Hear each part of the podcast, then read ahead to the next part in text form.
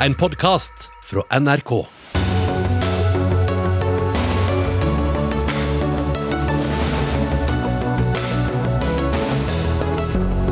Erna Solberg mangler planer for sårbare grupper under pandemien, kritiserer Jonas Gahr Støre. Han møter statsministeren hos oss. Hvorfor må eldre dø alene på sykehus, spør sønnen til en som ligger for døden. Han møter helseministeren. De ansatte ved Nationaltheatret frykter for framtida, vet ikke hvor de skal være når teatret skal rehabiliteres. En av dem møter kulturministeren. Og hvorfor må høyskoler og universiteter betale tilbake penger til staten hvis de har klart å spare? Det lurer Arbeiderpartiet på, og møter ministeren for forskning og høyere utdanning. Vel møtt til Dagsnytt 18, hvor vi også skal diskutere ordbruk i politikken og Bø i Vesterålen som skatteparadis. Jeg heter Sigrid Solund. Tallet på koronasmittede i Norge økte med 79% i forrige uke, noe som utgjør drøyt 1600 smittede. Det viser tall fra Folkehelseinstituttet som ble lagt fram i dag, på en pressekonferanse som ellers handlet mye om å rydde opp i en viss forvirring. Den ble skapt tidligere i uka og gjaldt særlig hvem og hvor mange du kan være sammen med av gangen i ukene som kommer. Men Arbeiderpartileder Jonas Gahr Støre, føler du deg trygg nå på hva du kan gjøre, og hvor mange du kan treffe, og når og hvor? Jeg tror det overordnede budskapet er det vi alle skal merke oss, at vi bør eh, omgås færre. Så det blir færre kontakter. Også de vanlige rådene om eh, avstand, vaske hendene og være hjemme når du er syk. Det har vi begynt å lære oss eh, utenat. Men det er jo en betydelig opptrapping av tiltak i møte med økt smitte. Og jeg har vært opptatt av at når det skjer, så har vi lært siden mars at vi kan telle smittetilfeller, men det er vanskelig å telle de som er sårbare indirekte. Altså eldre, syke, barn, psykisk syke, mennesker med rusproblemer osv. Og, og jeg er opptatt av og ønsker å vite at man har beredskap også for dem, nå når samfunnet eh, igjen strammer til. Ja, hva er det du etterlyser da, egentlig? Nei, altså Jeg har jo etterlyst at vi får en orientering i Stortinget om dette. Eh, vi er kontrollorgan, og nå har vi erfart at disse tiltakene som er lagt fram, der var det uenighet mellom folkehelsemyndighetene. Det er ikke ulovlig at det er det, men da er vi ute etter å vite hvilke hensyn har regjeringen tatt når de har valgt mellom de ulike standpunktene. Stortinget er helt utenfor dette. Vi kan stille betimelige spørsmål. Og Vi er eh, ombudsmenn og -kvinner for folk der ute. Kommunene er førstelinjen. Vi får tilbakemeldinger fra kommunene om utfordringene de står i, og de er veldig forskjellige. Det er jo en 300 kommuner som knapt har smitte, som nå skal gjennomføre veldig omfattende tiltak. Og dette er spørsmål som det er rimelig at vi får svar på i Stortinget. Det er veldig mye du etterlyser her, egentlig, da, informasjon. Veldig mange grupper og for alle kommunene. Jo, men det, det, er, det, er, faktisk eh, mye. Vi skal skille mellom mange ting her. I dag var det behov for en egen pressekonferanse for å oppklare den forrige pressekonferansen. Eh, og regjeringen har ikke vært innom Stortinget. Det mener jeg er feil. Og nå skal vi diskutere i morgen hvordan Stortinget kan gi til, be eh, om tilbakemeldinger fra regjeringen. Og det tror jeg er en, en, en diskusjon som er nødvendig å ta. Ja, det kan vi høre da. Statsminister Erna Solberg, hva slags informasjon dere kan komme med? Hva dere vet? Eh, ja, altså Jeg har jo skrevet et brev til Stortinget om dette for å be de om å avklare um, hva de ønsker og hvilken informasjon de har. For Stortinget fikk en redegjørelse av meg før sommeren på strategien. Det er den vi fortsatt følger. Fikk de redegjørelse 13.10 fra Bent Høie. Den er nå til behandling i helsekomiteen. Og Bent Høie har altså tilbudt seg å komme i komiteen sammen med, uh, med etatene for å snakke gjennom med helsekomiteen på Stortinget i det arbeidet. Og vi kan ha sagt vi er villige til å komme nå når som helst på dette, men, men, vi må vise litt om forventningene fra Stortinget om hvordan de ønsker å ha disse sakene, eh, og på hvilken måte de har det. For nå har de en sak til behandling. Eh, så er det jo en dynamisk situasjon.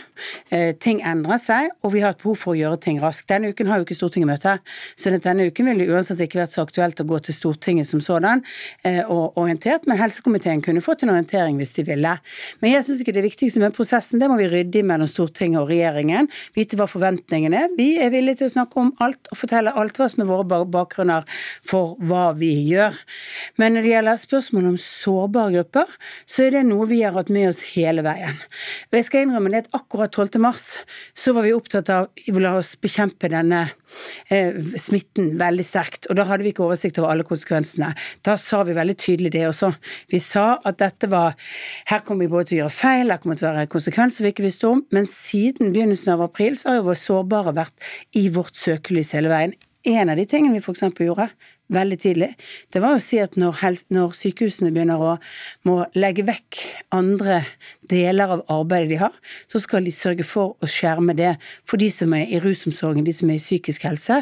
Og det ser vi jo ganske positivt at der går faktisk ventetidene fortsatt ned. Men vi skal snakke om en av de sårbare gruppene, nemlig de veldig veldig syke og døende eh, i seansen etter dere. Men eh, sårbare grupper, hva, hva går det egentlig ut på større? Altså, hvordan skal man klare å gi en hel, helhetlig plan eller oversikt over alle som kan regnes som sårbare i samfunnet? Ja, det er nettopp dette vi er nødt til å gå inn i. fordi at eh, det er klart dette får konsekvenser for de som er avhengig av daglig ettersyn, daglig tilsyn, daglig hjelp. De som står i kø for behandling. Nå øker ventetidene på vanlig behandling i sykehusene. Det er klart dette får konsekvenser. Det er det vår oppgave å stille spørsmål om. Men det gjelder andre også. Barn, ja, eldre, absolutt. de som er utenfor jo, arbeidet, de riktig. som har psykiske lidelser. Altså... Men dette er det største, mest inngripende siden krigen. Eh, det er fortsatt det. og det jeg jeg formulerer som helt tydelig eh, forventning, det er at når det skjer vesentlige endringer i smitteverntiltakene Det som skjedde denne uka, var vesentlige endringer. Fem i kretsen du kan møte i tillegg, er vesentlig i alle kommuner i hele Norge. Og i vår så så vi jo framskrivninger på at det kunne komme smittetopp nå i vår. Jeg syns det er viktig å vite også var vi godt nok forberedt til at den kunne komme. Og et forhold til utenlandssmitten. Ja, vi, vi kan ikke komme til den om, om litt, men, du få, ja, vi, men du skal få svare på det. for det, Egentlig går det jo nå helt etter boka. Det var jo nå den skulle komme, denne andre bølgen, sånn som, sånn som dere skisserte ja, på, på vårparten. og derfor vi også, er vi også mye bedre forberedt nå. Men hva med disse sårbare gruppene som Støre snakker om? Vi har et repertoar av tiltak, og så har vi vært opptatt av de sårbare gruppene. En av de tingene som er sårbare, er faktisk unge voksne som er studenter, som har flyttet til et annet sted. Det er en av de tingene som nå vår kunnskaps- og høyere utdanningsminister altså, har jobbet hardt med overfor universitetet myndighetene overfor samskipnadene på at de må finne gode sosiale arenaer hvor man kan møtes uten at man bryter smittevernreglene. Må finne løsninger for det. Derfor har dette vært en dialog som har pågått med Høgskole- og universitetsrådet. De samler nå inn informasjon fra de ulike lærestedene for å utveksle til andre, for å skape arenaer som gjør at folk ikke blir isolert. Derfor har vi altså siden april vært tydelig i budskapet vårt til kommunene. Ikke ta vekk helsesøstre fra barn og unge.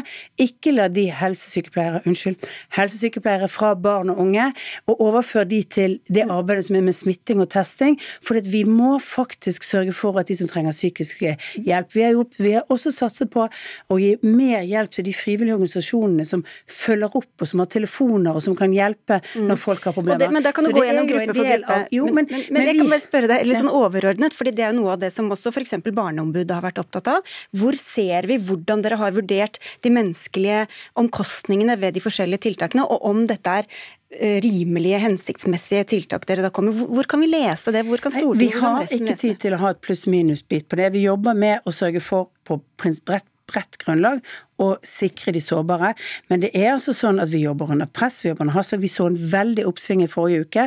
Vi var tidlig på. Vi ga et, ga et oppdrag sent i forrige uke på hva vil nå tiltakene være. Hva kan vi nå om akkurat de områdene hvor vi vet at smitten går mest? Hva vil være tiltakene? Folkehelseinstituttet og Helsedirektoratet fikk kort tid på seg på å komme med forslag. Regjeringen fikk disse forslagene lørdag ettermiddag kveld. Det ble jobbet videre med det. Vi fattet beslutninger søndag, hadde pressekonferanse på, på på mandag for å gjøre det offentlig. Men i bunn så ligger jo alle disse beskyttelsestiltakene som vi har gjort mot sårbare grupper, hvor vi har vært tydelige i kommunikasjonen på hva vi kan gjøre, hvorfor vi har veiledere på ulike områder. Mm. Og så til denne utenlandssmitten, Støre, som jo også er det som blusser opp. Jeg har bare lyst på å si at uh, dette skjer, og det er nødvendig. Vi stiller opp for at vi skal bekjempe smitten. Men jeg syns det vi har sett de siste døgnene, er en form for reaksjon fra regjeringen når det stilles spørsmål.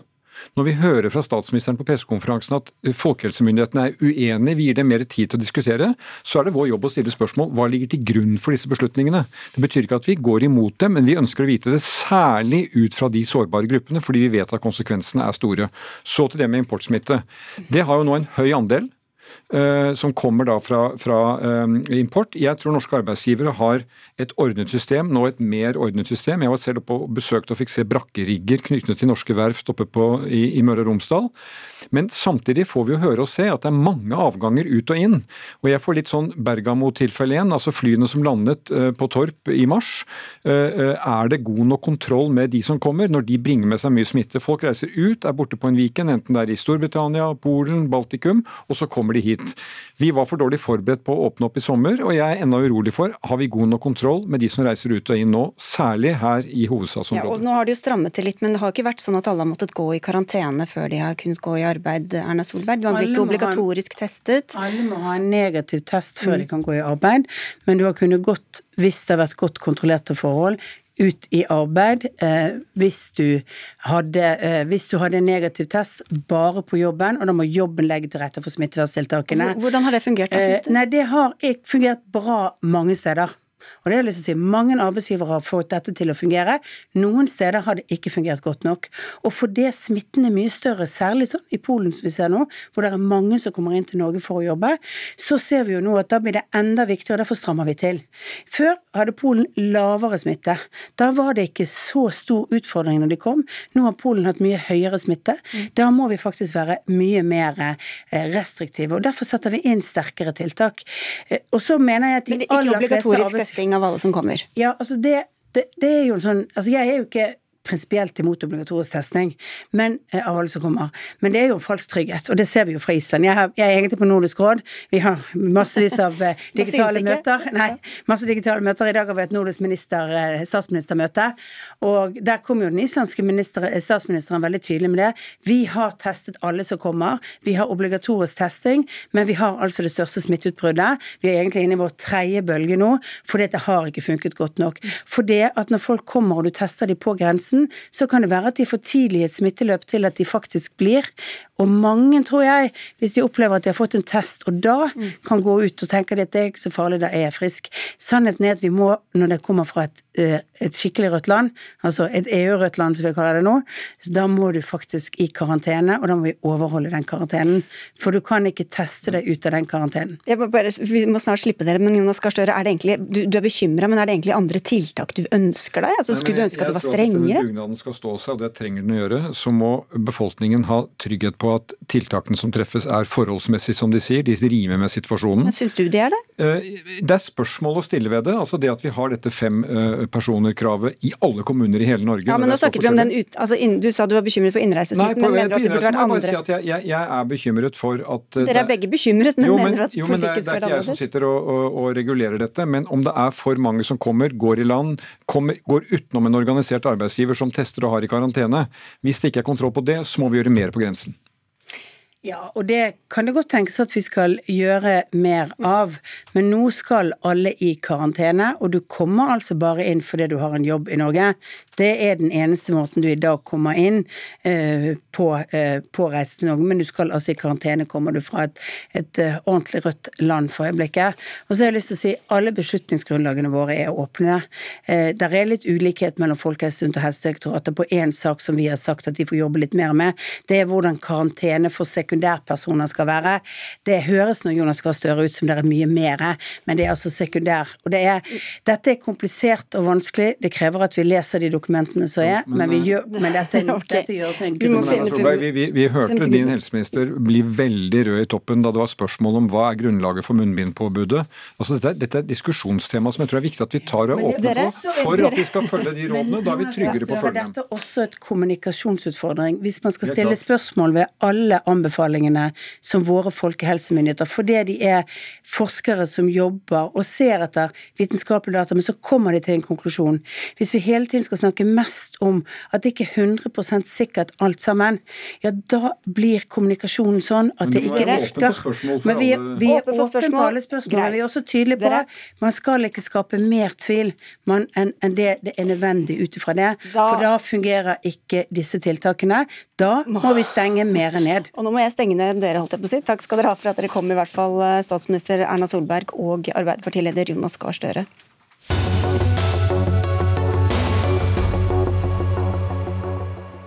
For nå skal det handle om nettopp en av disse sårbare gruppene. 'Hvorfor må min far dø alene?' er tittelen på et innlegg på VG Nett, skrevet av deg, Kjell Erik Møgster Moen. Du er journalist i NRK. Og du har en pappa som ligger på sykehuset, hvor han har vært i snart tre uker. Og du skriver da i denne kronikken hvor vondt det har vært for deg, søsknene dine og moren din å knapt få besøk ham.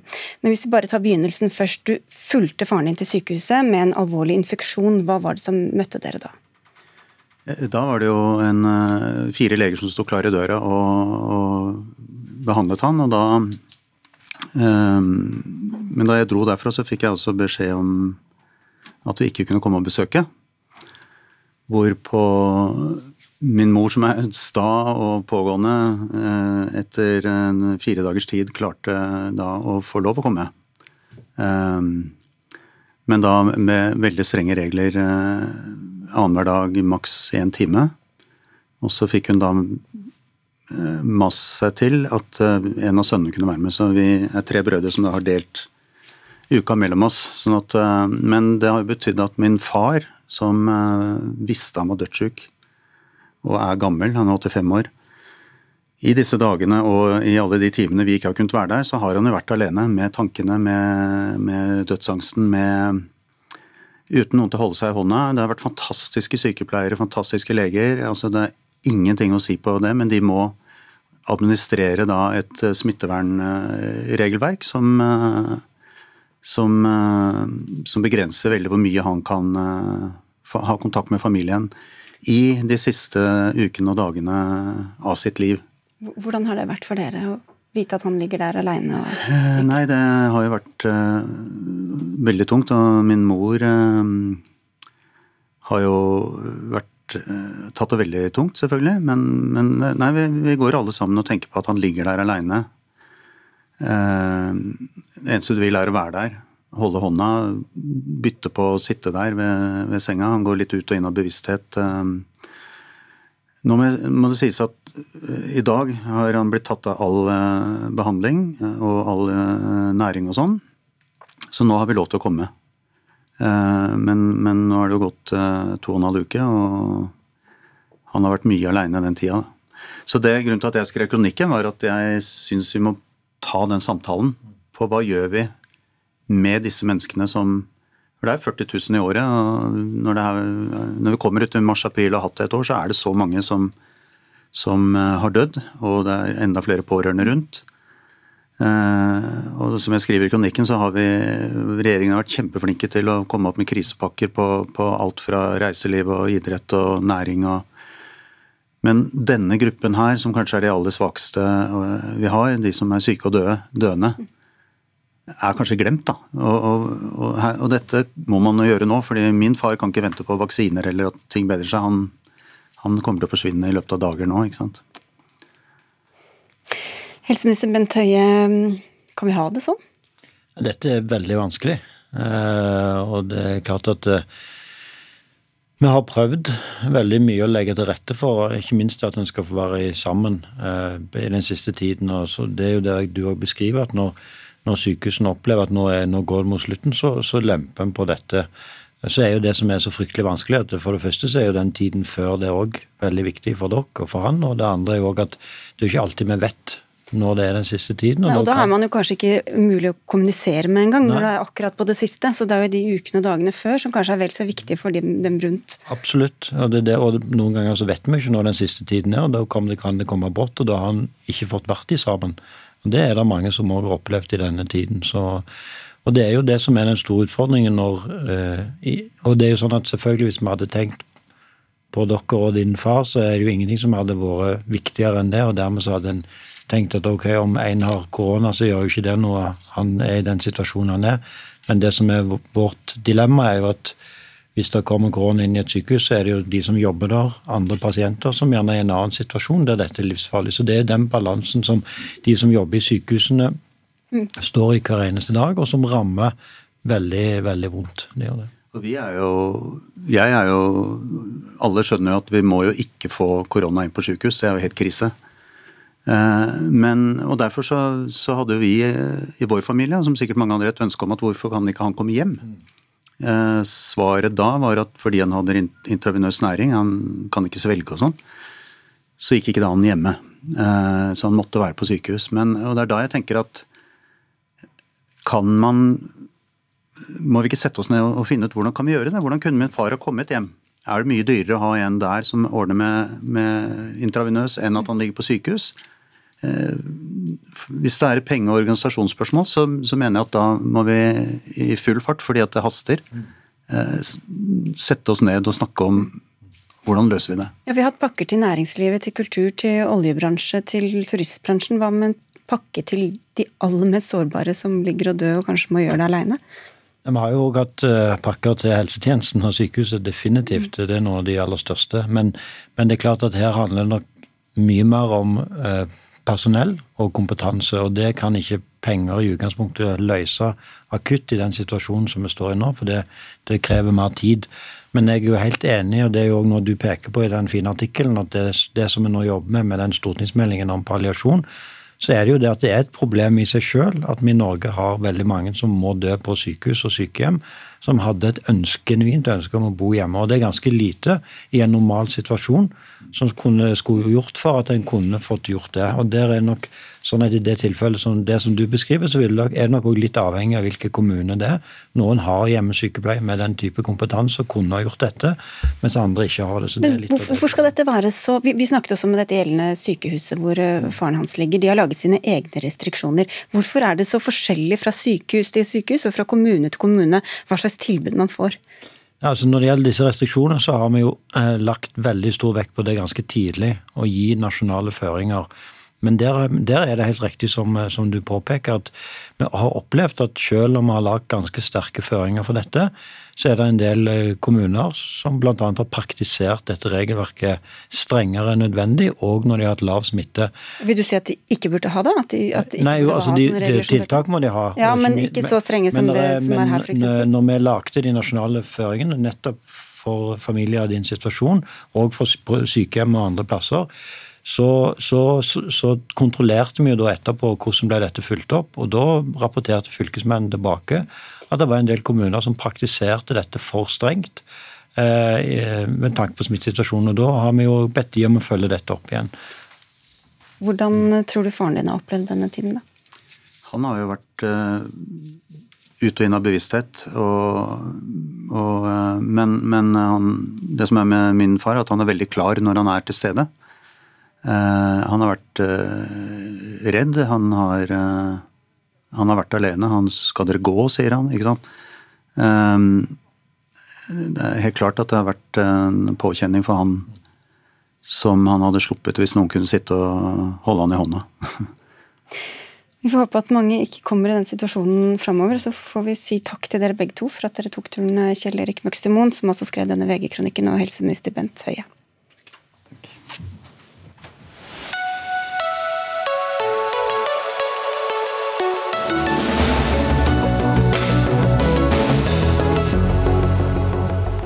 Arbeiderpartiet snakker usant, partiet er desperat og argumentasjonen latskap. Denne salven kom gjennom VG, men fra deg, Tina Bru, du er her i anledning at du er nestleder i Høyre, og utgangspunktet er uenighet om et punkt i statsbudsjettet som handler om egenandeler. I stedet for å ha to tak som i dag, så samles ordningene til én.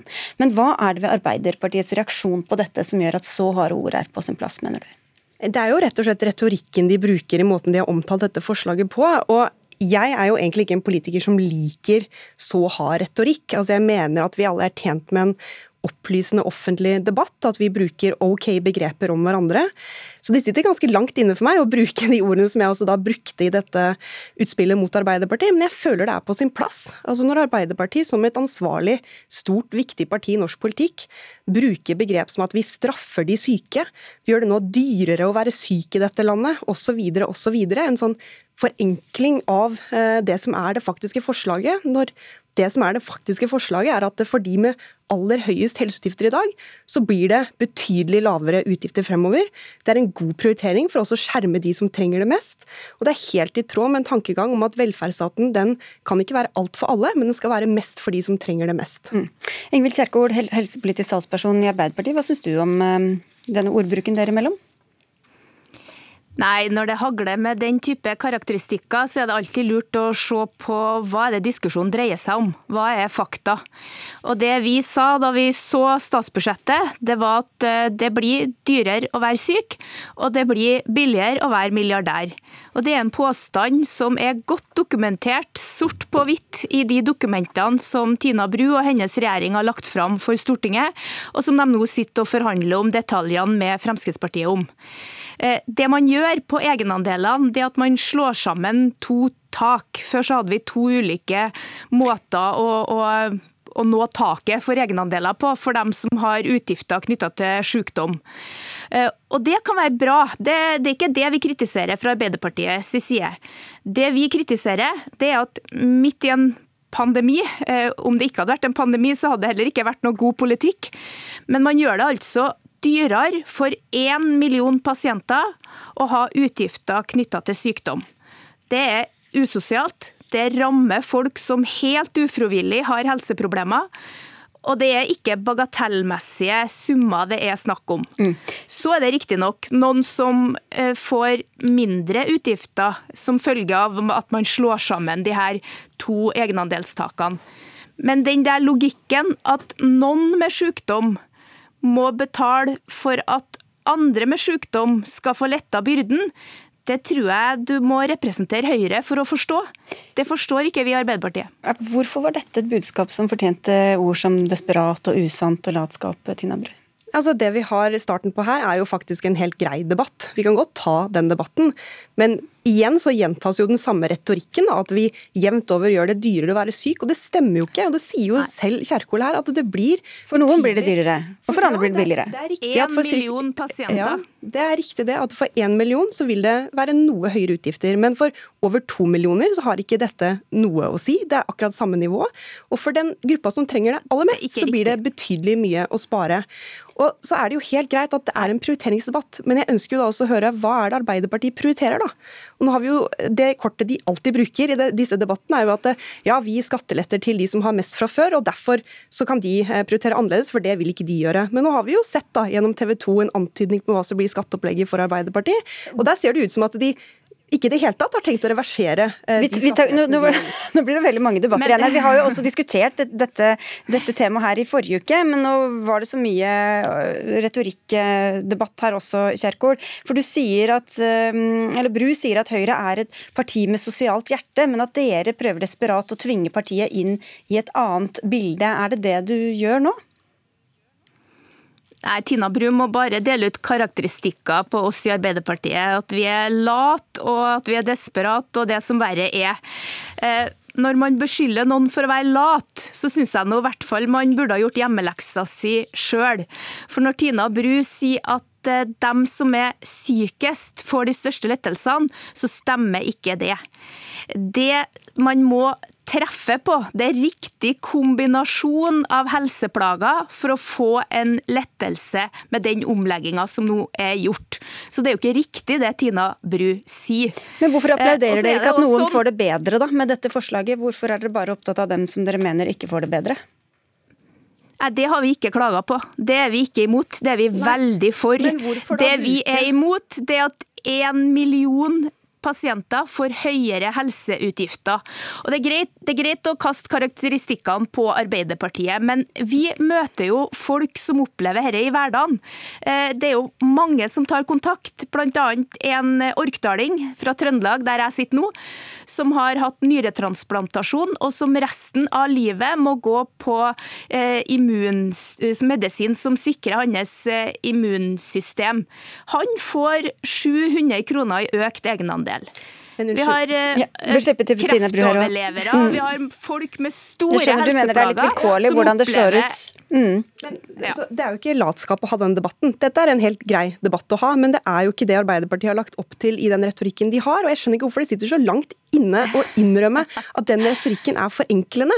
Altså, jeg, Det er ikke nødvendig å bruke sånn retorikk tilbake da.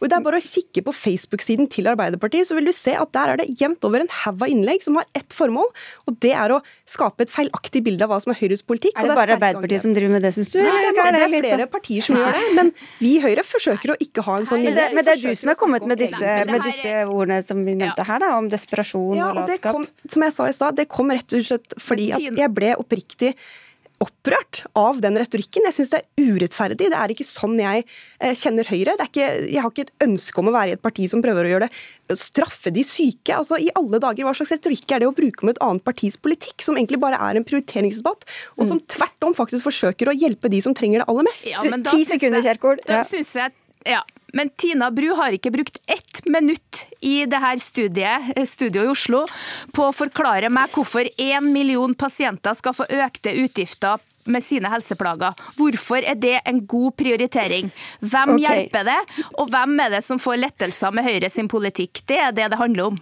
Jeg forsøkte å svare på det i stad. Det handler om å prioritere, og jeg er spent på å se hvordan Arbeiderpartiet også men, men, med dere, dere, dere, dere. og at det her var en debatt. Kjerkol, greit. Vi må bare ha et, et spørsmål til, til, deg, Tina Bru. fordi det var også en annen sak vi lurte på, og som vi prøvde å få deg her å snakke om i går. Nemlig den saken som kom i går om din forgjenger i en annen regjering, Ola Borten Moe fra Senterpartiet. Som han og Energidepartementet satt på en rapport fra Oljedirektoratet som viste risiko for at oljeleting i Barentshavet sørøst kunne bli ulønnsomt.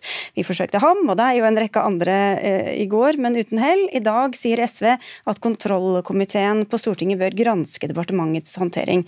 Du vil ikke kommentere denne saken? Altså, eh, en, Dette er jo en sak som ligger langt tilbake i tid og under den rød-grønne regjeringen, altså lenge før jeg ble statsråd.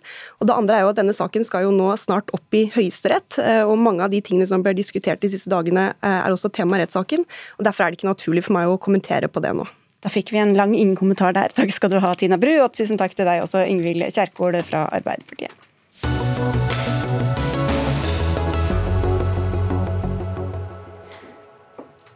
Skal vi se Da måtte jeg bare klart å trykke bort eh, kjøreplanen her, det var uheldig.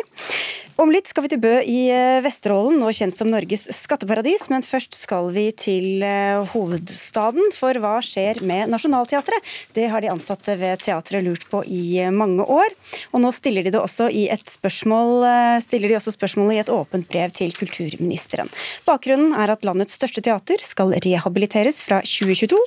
Nå, drøyt ett år i forkant, er det ennå ikke bestemt hvor Nationaltheatret skal holde til i anleggsperioden. Det er gått to og et halvt år siden regjeringa ba Kulturdepartementet om å finne en løsning for dette. Line Hallem, du er inspisient og tillitsvalgt i Creo, som også organiserer sufflører og musikere ved teatret, og altså en av over 200 som har eh, sendt dette brevet. Hvordan er stemninga på Nationaltheatret nå? Først og fremst så vil jeg jo bare si at vi er veldig glad for at eh, rehabiliteringa endelig skal sette i gang etter mange års venting. Mm. Men det er òg stor redsel og usikkerhet i gangene på teatret. For vi vet ikke hvor vi skal være, eller hva vi skal gjøre om ett år. Hvorfor er det så viktig å få svar på det nå, da? Vi er jo nødt til å få vite hva vi skal gjøre, og hvor vi skal gjøre jobben vår. Og over halvparten av vår arbeidskraft den er bundet opp til hovedscenen, som altså er den største av våre fire scener. Og det er her vi treffer mesteparten av publikummet vårt. Og dersom vi ikke har en midlertidig hovedscene, så mister vi òg kontakten med store deler av publikum. Men det som òg skjer dersom vi ikke har noen erstatning for hovedscenen, det er at vi risikerer at 50-80 av teatrets 225 årsverk vil kuttes. I tillegg så mister mange frilansere Nationaltheatret som oppdragsgiver i byggeperioden. Ok, Da går vi til deg, kultur- og likestillingsminister Abid Raja. Har du et svar til de ansatte? Ja, For det første så vil jeg si at eh, jeg forstår frustrasjonen godt, og jeg forstår at man eh, vil gjerne ha forutsigbarhet. og Det er også vi i Kulturdepartementet veldig opptatt av. Det er jo eh, vi i regjeringa som har tatt beslutninga på at dette ikoniske kulturhistoriske viktige bygget skal rehabiliteres. Regninga på det er estimert til det er usikre anslag foreløpig, men 3-4 milliarder. Og kanskje estimatet vil bli enda høyere når den endelige utredninga foreligger. Byggeperioden vil jo vare på fem-seks, kanskje mer år enn det. Og i mellomtida så vil vi fra fellesskapets midler stille opp med 209 millioner kroner som vi gir i år. Neste år er det 232 millioner til Nationaltheatret. Driftsmidler som de kommer til å fortsette å få. Når det gjelder eh, nye prosjekter hvor man skal være i mellomtida, så ba regjeringa, vi i Kulturdepartementet, styret om å finne flere alternativer eh, som var økonomisk forsvarlige. De kom opp med ett alternativ, og den var altfor dyrt eh, til at vi kunne gå videre med det. og Derfor fikk man nei på det i juni. Og Vi ba da styret om å finne finne andre alternativer som var økonomisk forsvarlige. Da får vi ta inn styret, da. Merete Smith, du er styreleder ved Nationaltheatret. Her hører vi at det er dere som skulle ha kommet med en, noen forslag? Altså, vi mener at vi har kommet opp med veldig mange ulike alternativer. Det som er riktig, var at en stund så så det ut som det var Tøyen, det gamle Munch-museet, vi skulle få. Og da eh, gjorde vi masse arbeid i forhold til å forberede det. Eh, og så fikk vi vite at det var eh, for dyrt i juni. Etter det har vi også kommet opp med svært mange alternativer. Men det er klart det det handler om, er jo nettopp den uroen som de ansatte har gitt uttrykk for nå, nemlig Eh, vi må ha et sted å være, et sted å spille teater. Vi har fra flere år tilbake sjekket ut alle scenene i Oslo. Problemet er at der er det allerede noen. Vi kan leie dem. Det koster ganske mye penger. Vi mener jo at det alternativet vi har kommet opp med, som er et midlertidig scenehus, altså et slags telt eller lignende, det er det rimeligste alternativet. Det er også det som gir oss inntekter. Nationaltheatret har veldig høye inntekter og en høy andel inntekter. Det er viktig at vi legger rette, til rette for det også fremover. Eh, det er jo også noe som jeg har oppfattet at departementet er opptatt av. ja, ja, men du får høre da, Rabja, hvorfor var ikke det en god løsning?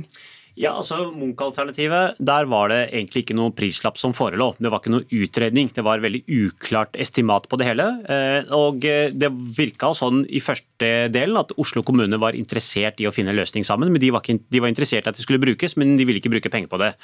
Og når eh, prislappen ble klart, så eh, kom det frem at det var snakk om 40-50 millioner kroner minimum i året i fem-seks år. Over 300 millioner kroner. Derfor sa vi nei til dette. Så sendte vi styret da nytt oppdrag om å finne andre mer lønnsomme alternativer. Det kom de til oss med for bare seks uker siden.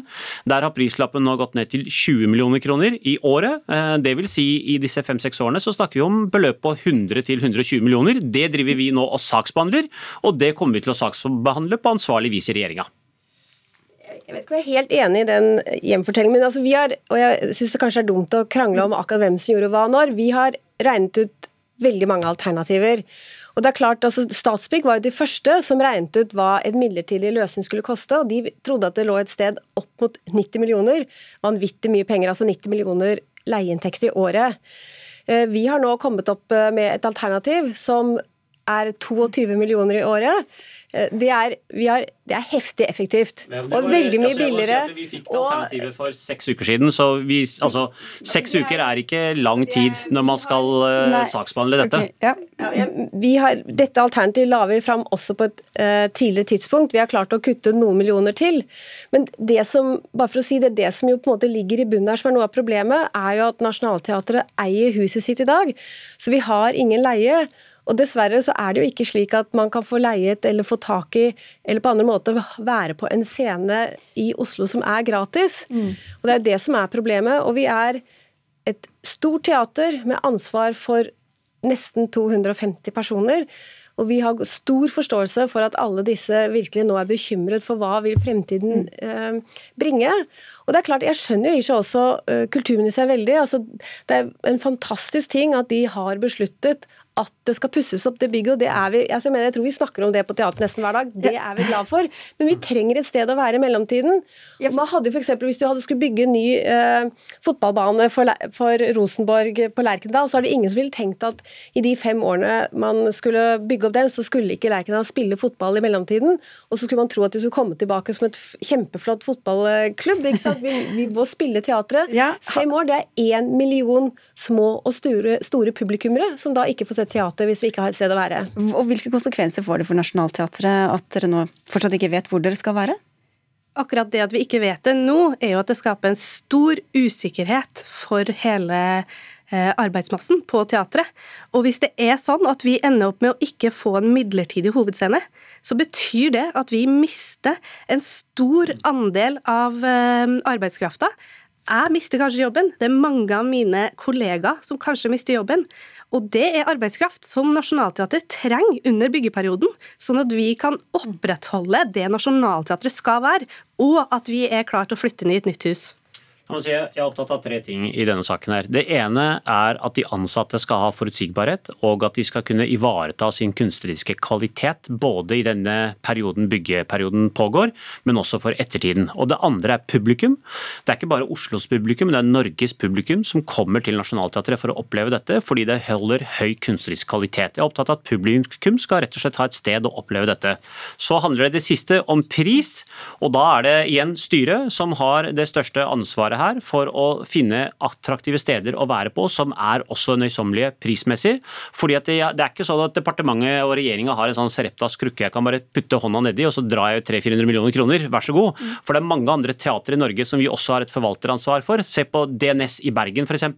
Eller hvis du ser på Teater Innland eller Nordland eller f.eks. Ibsen. De får ikke i nærheten av 40 millioner i årlig drift. Så hvis vi da sier ja, men Nationaltheatret får 40 millioner, 50 millioner pluss i året for å være et sted, så er ikke det rettferdig sett opp mot de andre teatrene hvor, som også har et behov. Så, men nå har vi fått altså et nytt beløp på bordet, bare seks uker siden på 20 millioner, og det jeg sier her, vi skal saksbehandle det på ansvarlig vis både i mitt departement, men også i andre departement i denne regjeringa, før vi tar en beslutning på okay, det. Da skal du få avslutte, herre Merete Smith. Abid Raja har vist seg som en handlekraftig kulturminister nå under covid-19-perioden og vært gjort veldig viktige tiltak for Nationaltheatret og mange av de andre kulturinstitusjonene.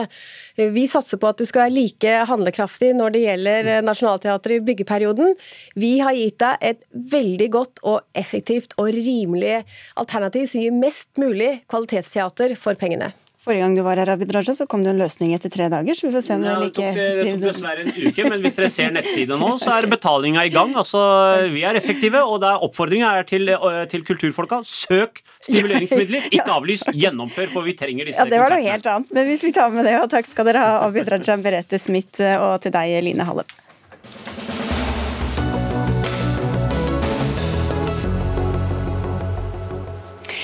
Den tidligere langrennsstjernen og forretningsmannen Bjørn Dæhlie flytter til Bø i Vesterålen. Det ble kjent tidligere denne uka. Grunnen er kommunens lave sats for formuesskatt, som ble innført fra nyttår. Fylkesordfører i Trøndelag Arbeiderparti Tore O. Sandvik, du skrev en eh, kort kronikk i Trønderdebatt eh, at eh, Dæhlie flytter til Bø for å slippe å bidra for mye i fellesskapet. Hvordan vet du at det er sånn han tenker? For at den skulle flytte dit, det at de har så lav eh, formuesskatt. Og Jeg kan jo forstå eh, fortvilelsen for en distriktskommune over Høyres sultefòring av kommunene, manglende distriktspolitikk og sentralisering av tjenester. Den kom kjapt. Men jeg tror ikke svaret, ja, jeg tror ikke svaret på det er å starte med import av milliardærer som har blitt så rike i Norge at de føler at de ikke har råd til å bo i en vanlig norsk velferdskommune. Vi har ikke fått med oss Bjørn Dæhlie, men vi har med deg, styreleder i eh, Eidisen Konsult AS, Ben Eidisen. Du flytta også til Bø pga. den lave formuesskatten. Bare for å høre høre først, hvor mye sparer du på den nye adressen? Ja, I likhet med Bjørn Dæhlie så gjør jeg det ikke for å spare skatt. Jeg gjør det for å bruke de pengene som i dag går til formuesskatt, til å skape arbeidsplasser og virksomhet i Bø. Og I motsetning til Hans Handvik, som aldri har skapt en arbeidsplass, i hvert fall av egne penger, så har jeg og mange andre av de som flytter dit oppe nå, gjort det i hundretalls, for ikke å si tusentalls. Og det er forskjell på de som skaper verdier, og de som kun er opptatt av én ting, nemlig å dele verdier. Her ønsker vi å gjøre begge deler. Vi ønsker å bruke det vi sparer på å betale mindre formuesskatt til å investere i arbeidsplasser og virksomhet i Bø. Senest i går diskuterte vi et prosjekt hvor vi kanskje ender opp med å investere nesten 100 millioner reiselivsrelatert. Sandvik har ikke gjort et mannskitt rit, for å si det rett ut, for Nord-Norge. Han har kun vært opptatt av Trøndelag, og han har ingen forståelse for hva som skjer i Bø. For det er en kommune som ikke har statlige arbeidsplasser, ikke fylkeskommunale. De er helt avhengig av de private, og det ønsker vi å bidra til. Ja, Sandvik, der fikk du den. Ja, hvis, eh, det er jo Eneste grunn til at Bø kan gjøre det her, er jo at ingen andre gjør det. Hvis alle norske kommuner skal gjøre som Bø, så vil jo også Bø tape på det. Da vil samla sett eh, inntektene til norske kommuner gå ned med 9 milliarder kroner. 30 000 flere nullskattytere vil vi få i, i, Norge.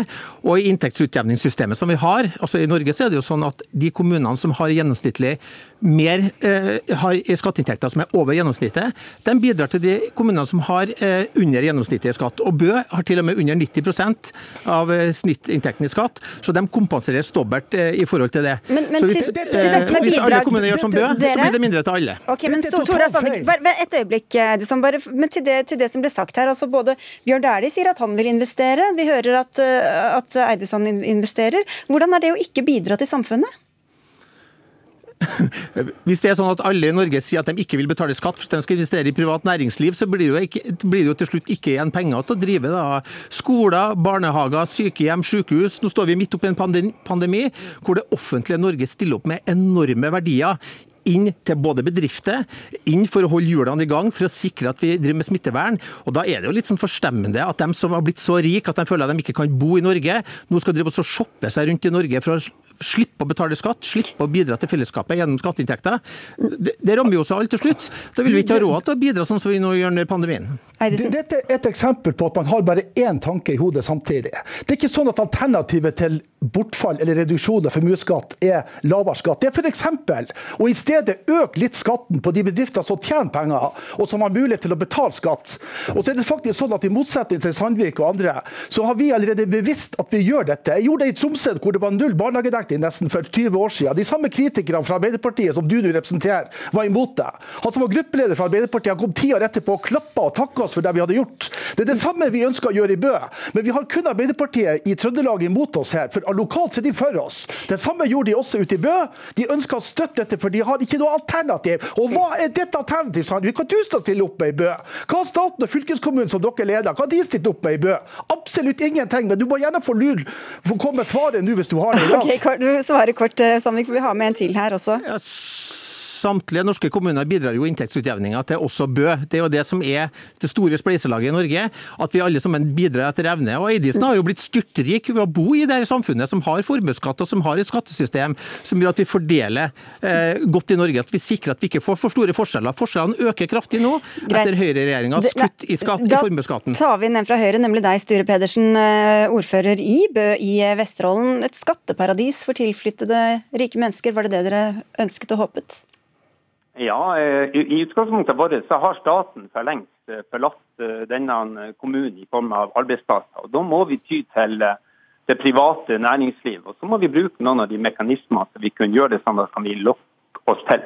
Vi har avstandskostnader i denne kommunen, vi har klimakostnader. Og da må vi legge litt til rette for at vi kan få kapital til å skape nye arbeidsplasser, sånn at vi kan faktisk overleve som samfunn. Vi roper ikke på staten i form av subsidier. Vi roper på privat næringsliv som skal komme hit og etablere det som vi trenger, arbeidsplasser.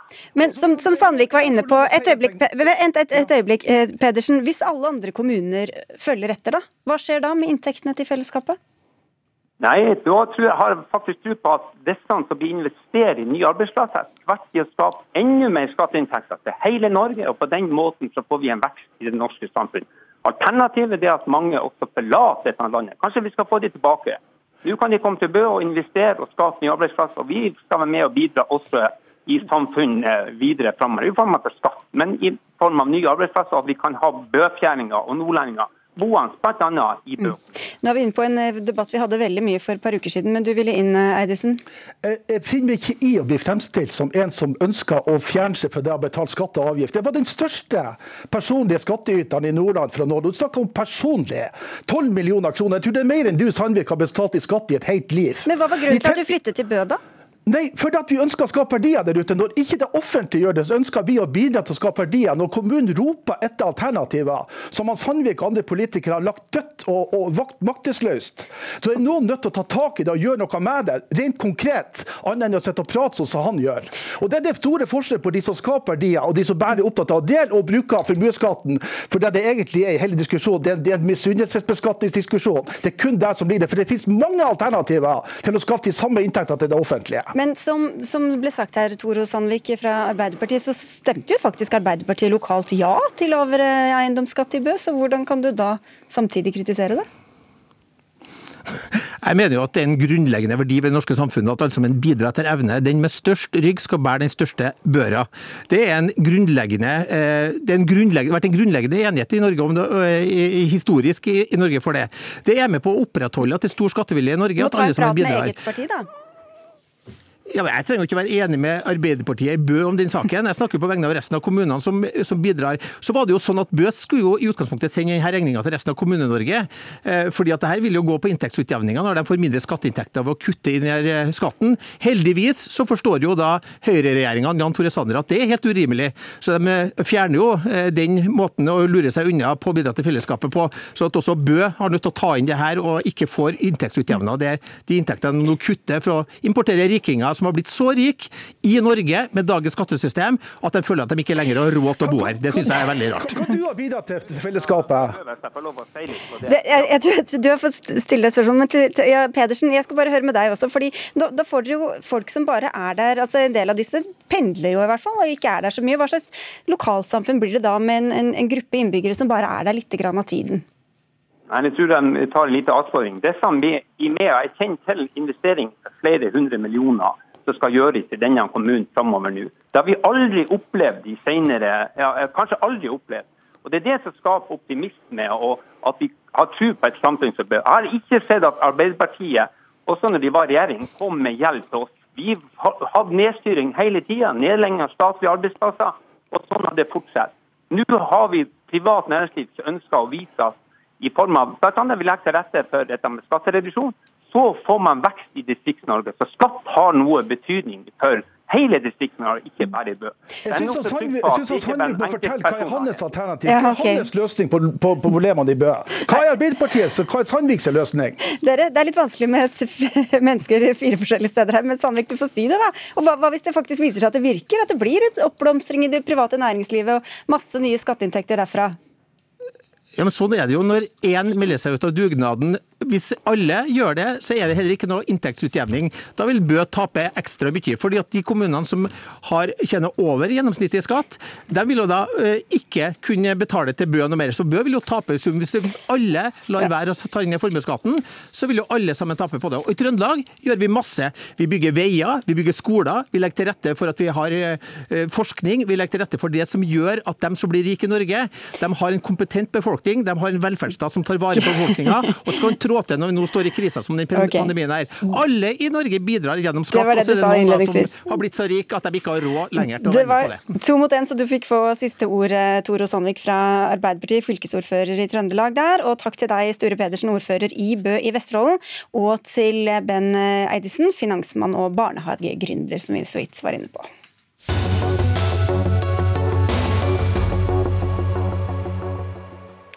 Fra og med 2022 må alle universiteter og høyskoler betale tilbake penger til staten hvis de har penger på bok. I hvert fall hvis eh, beløpet er høyere enn 5% av overføringene de har fått fra staten. Unntaket er hvis pengene skal gå til investeringer. Dette står i forslaget til statsbudsjett for neste år, og har fått store deler av opposisjonen til å reagere, skriver nettavisa Krono. Du er blant dem, Nina Sandberg, stortingsrepresentant og medlem av utdannings- og forskningskomiteen for Arbeiderpartiet. Men hvorfor skal ikke regjeringa få sette rammer for de 36 milliardene de gir til denne sektoren? Jo, det er jo selvsagt skal det det, men det er jo sånn at universitetene må styres på en god, forutsigbar måte. Med tillit og med godt handlingsrom for å kunne legge de strategiske og faglige planene som de har framover. Eh, Det som regjeringa nå har gjort, er jo et eksempel på det motsatte. Eh, Her lanserer de veldig kontroversielle tiltak helt uten at sektoren har fått høre om det eh, på forhånd, og uten at det er saksforberedt. Så Kunnskapsdepartementet sjøl vet ikke liksom, konsekvensene av det her. Sektoren vet ikke helt konsekvensene av det her. Men det som i hvert fall er sikkert, at disse, disse dager så går det ut eh, brev i de ulike postmottakene til universitetene og høyskolene der det står at dette er gjeldende. Så mm. dette er en dårlig måte å styre sektoren på. Ja, Forsknings- og høyere utdanningsminister Henrik Asheim, hvorfor skal dere styre hvor mye penger de skal få lov å ha stående igjen ved nyttår? Det som vi sier er at fra 31.12.2022 så er det sånn at da må de ha eh, maksimalt 5% på konto som ikke allerede er planlagt brukt til investeringer. Og Det er rett og slett fordi når vi bevilger mye penger til universitetene og høyskolene, og de får midlene ganske fritt til eh, eget bruk, så ønsker vi at det skal brukes på nettopp det. På f.eks. undervisning eller investering i bygg eller hva det måtte være. Og at ikke ting blir syltet ned på en eh, konto et eller annet sted. Og Det er jo det som vi har fått kritikk for fra Riksrevisjonen, eh, er at eh, for mye penger har blitt stående på konto uten at det er noe plan i den sektoren for hva de pengene skal brukes på. Eh, Og Stortinget har også kritisert oss for det. For et år siden så satt Arbeiderpartiets representanter i kontrollkomiteen sammen med alle andre og skrev at de mente at det var helt nødvendig å få på plass et regelverk for dette, fordi avsetningene var for store. Så jeg er jo mer enig med kontrollkomiteen til Arbeiderpartiet enn jeg er enig med utdanningskomiteen. Ja, hvilke, hvilken del av Arbeiderpartiet skal vi høre på, Nina Sandberg? Hva mener dere egentlig? Vi mener jo selvsagt at eh, det skal være rammer rundt det men nå kommer det en styringsmelding for universitet og høyskoler som regjeringa sjøl har sagt eh, at skal komme til våren. Og da ville det jo vært bedre om man gjennomførte det på den måten at man la frem forslaget i forbindelse med den meldinga, der også finansiering er en av de hensynene som skal eh, ses på. Og Da kan man drøfte det med sektoren og med partene, og man kan få saksforberedt det, sånn at folk skjønner hva det her dreier seg om. Så det er egentlig prosessen da, og tidspunktet dere er negative til, ikke selve tiltaket? Konsekvensene viser jo, altså, Det er jo stor usikkerhet rundt konsekvensene fordi det er ikke utreda. Men det man i hvert fall vet, det er jo det at man begrenser handlingsrommet til institusjonene. Det er helt åpenbart. Tidligere har det vært ligget på sånn rundt 10% nå er det 5% som er regelen. Ja, ok, Men er dere Eh, for det eller mot det? Det var det jeg lurte litt på, da. Vi eh, skal ta stilling til det hvis man hadde fått muligheten til det, men nå får vi det servert, vi som, som, sånn som eh, institusjonene gjør det, i statsbudsjettet som et diktat, istedenfor at man kunne ha lagt det fram i forbindelse med stortingsmeldinga om styringspolitikk, som hadde vært det Arbeiderpartiet ville gjort. Hvorfor gjør dere det på denne måten, altså? Det er jo, eh, Jeg skal ikke male på det, men det er jo for å svare ut også en bestilling som Stortinget ga oss i fjor høst, nemlig at vi måtte ha et sånt regelverk på plass. Og så Er det, og så er ikke dette en del av styringsmeldingen, mener ikke jeg. for Styringsmeldingen skal handle om liksom, hvordan skal vi for eksempel dimensjonere studieplasser, skal det være desentraliserte utdanninger, alle disse tingene her. Det er spennende diskusjoner. Men det dette regelverket sier, det er rett og slett at du får store beløp som institusjon, eh, og så skal du bruke dem på utdanning eller på andre viktige ting for studentene. Eh, Hvis du setter dem på en konto og ikke har noen plan for f.eks. at du skal bygge noe i fremtiden, du bare har dem på konto, så sier vi at da må du legge en plan for det. Og hvis ikke du legger en plan for det, nei, da må du gå tilbake. Hva må den planen inneholde for at dere skal si at det er greit, da? Nei, Da sier vi at du kan ha inntil 5% da. Ja, ja, Eh, men over det? Jo, over det. Da skal det være investeringer. Altså det skal være enten, og Det trenger ikke å være i bygg, det kan være i datateknologi, det kan være andre ting. Men du skal ha en plan for du skal, hva du skal bruke pengene til. Men hvordan skal man da unngå at, at man tenker sånn vi må bare bruke opp de pengene, og selv om ikke det er det beste vi kan bruke pengene på, så er det bedre det enn at vi aldri ser dem igjen? Ja, nei, og Det ville jo være veldig absurd hvis det var sånn at man satt For institusjonene kommer veldig ofte til meg og sier at de trenger mer penger. Så hvis det er sånn at de ikke engang klarer å komme på noe å investere i fremtiden, Jo, jo, men- så har vi, da har denne regjeringen overlevert, for å si det sånn. Og jeg tror ikke det er tilfellet. Jeg tror rett og slett dette kommer til å føre til at vi får ikke noe penger tilbake. Jeg tror vi heller får en mye bedre planlegging av hvordan man skal bruke pengene også over tid. Du sier at du ikke vet konsekvensene, Sandberg, men hva frykter du kan være konsekvensene da? Nei, altså nå hører jeg jo Statsråden gir helt andre begrunnelser enn det han har gjort tidligere. Tidligere så har han sagt at vi innfører dette regimet fordi at lærestedene ikke skal utsette for mange aktiviteter. Det må jo være utrolig provoserende å få servert noe sånt for universitetene sånn, i akkurat det året der de har måttet tvangsmessig utsette en masse aktiviteter pga. denne pandemien. Så um, ja. Jeg syns det er i det hele tatt en veldig merkelig framgangsmåte. og Jeg vil oppfordre statsråden til å ta en god runde i forbindelse med styringsmeldinga, istedenfor å tvinge det her igjennom nå i år. Ja, men du hører, jeg, jeg spurte hva du frykter kan være konsekvensene. Jeg vet ikke om jeg helt skjønte svaret på det. Ja, Konsekvensene av at man gjennomfører det her, vil jo for eksempel kunne, det vil f.eks. kunne gå utover muligheten for å ansette folk permanent. sant? Man får mye kortere planleggingshorisonter. Du kan få flere midlertidig ansatte i akademia, som allerede er et kjempeproblem. Og det vil selvsagt gå utover handlingsrommet til institusjonene. Så jeg skjønner jo veldig godt at både universiteter og høyskoler reagerer på det her. Men det er jo ikke tilfellet. Altså, det er jo slik at vi nå har, øh, nå, Akkurat nå så har institusjonene 2,5 milliard kroner på disse kontoene, som ikke er øh, satt av til investeringer f.eks. Og Da sier vi at det må være en grense for hvor mye du kan ha. Men det er altså 5 det er mye. Det er nok slingringsmonn til å kunne ansette flere. Vi finansierer gjennom studiepoeng, vi finansierer på veldig mange måter. Det eneste vi sier, det er at når vi bevilger penger, eller strengt tatt når Stortinget bevilger penger, så forventer vi at de skal settes i arbeid for det vi skal ha pengene til. Og Derfor så mener vi at det må settes en grense for hvor mye du kan ha uten å ha en plan for det. Men hvorfor tok dere ikke institusjonene selv med på råd før dere kom med dette budsjettet? Ja, altså, dette, er, eh, dette er noe vi har diskutert lenge. Det er klart at Institusjonene også har vært klar over dette. Det er en kritikk som Riksrevisjonen har kommet med jeg tror, hvert år de siste årene, og som Stortinget har tatt opp med oss hvert år de siste årene. Og som da kontrollkomiteen sa ordrett, at de forventer at vi skal få et regelverk for universitetenes og høyskolenes avsetninger av ubrukte budsjettmidler. Nå kommer det regelverket, og det er et veldig raust regelverk, fordi man sier at du kan ha stort rom, du kan ha mye mer enn det hvis du skal investere i bygg eller teknologi eller noe sånt, og oppå det sier vi en ekstra mekanisme som sier at du kan også beholde noe av pengene hvis du har en særskilt grunn til å gjøre det, f.eks. at det er usikkert med ansatte eller noe sånt som det. Mm. Så, så her er det masse sikkerhetsventiler, men på et eller annet tidspunkt så må vi som politikere også si at vi skal ha noen forventninger om at de pengene vi bevilger til et formål, går til det formålet. Du ser ikke helt overbevist ut, Nina Sandberg. Slettes ikke. Jeg synes det er også veldig uklokt å lansere det her akkurat i det året der det er så mye økonomisk usikkerhet rundt denne sektoren. Så jeg oppfordrer igjen statsråden til å dra det tilbake og ta det inn i forbindelse med den styringsmeldinga som kommer til våren. Dette trer altså i kraft i desember 2022. Så det trer ikke i kraft nå. Vi foreslår det nå, og jeg hører at debatten allerede er i gang. Ok, Vi sier takk for denne runden, da, i hvert fall Henrik Asheim, forsknings- og høyere utdanningsminister, og Nina Sandberg, stortingsrepresentant for Arbeiderpartiet. Denne utgaven av Dagsnytt 18 er ved veis ende. Det var Anne Katrine Førli som hadde ansvaret for den. Ida Lalland-Brenna hadde det tekniske ansvaret. Jeg heter Sigrid Solund, og vi ses og høres igjen i morgen.